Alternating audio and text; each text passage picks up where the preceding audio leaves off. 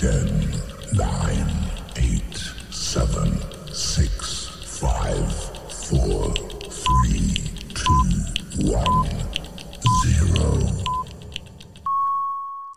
Áldás békesség! Kedves hallgatóink, szeretteink, testvéreink és barátaink! A Hazahoztál magyar nyelvű keresztjén missziós podcastünk adását halljátok Augsburgból.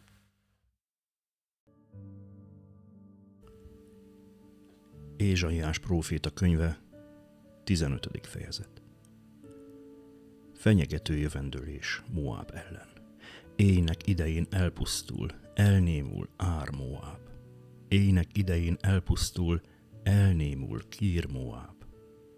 Fölmennek a templomba, zokok díbón, a magaslatokon, Nebó és Médebá miatt jajgat Moab. Minden fejet kopaszra nyírtak, és levágtak minden szakát. Az utcákon zsákruhában járnak a háztetőkön, és a tereken mindenki jajgat, könnyeit hullatva. Segítségért kiált Hesbón és Elálé. Hangjuk Jahácik hallik. Ezért riadoznak Moab fegyveresei.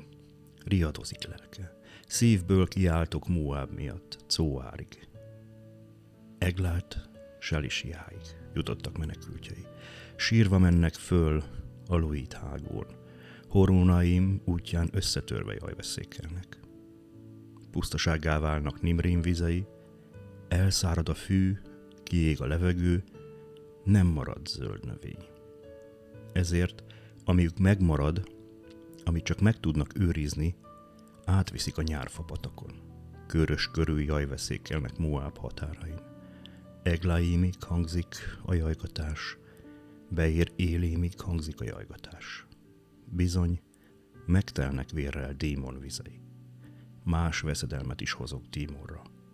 Oroszlánt Moab menekültjeire és földjének maradékára.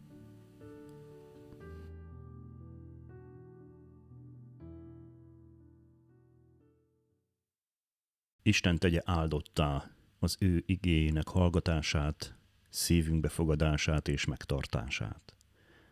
Legyetek áldottak, teljetek meg a szeretettel, a békével és az élettel. Hallgassatok bennünket továbbra is, nyitott szívvel és lélekkel. Isten áldjon benneteket!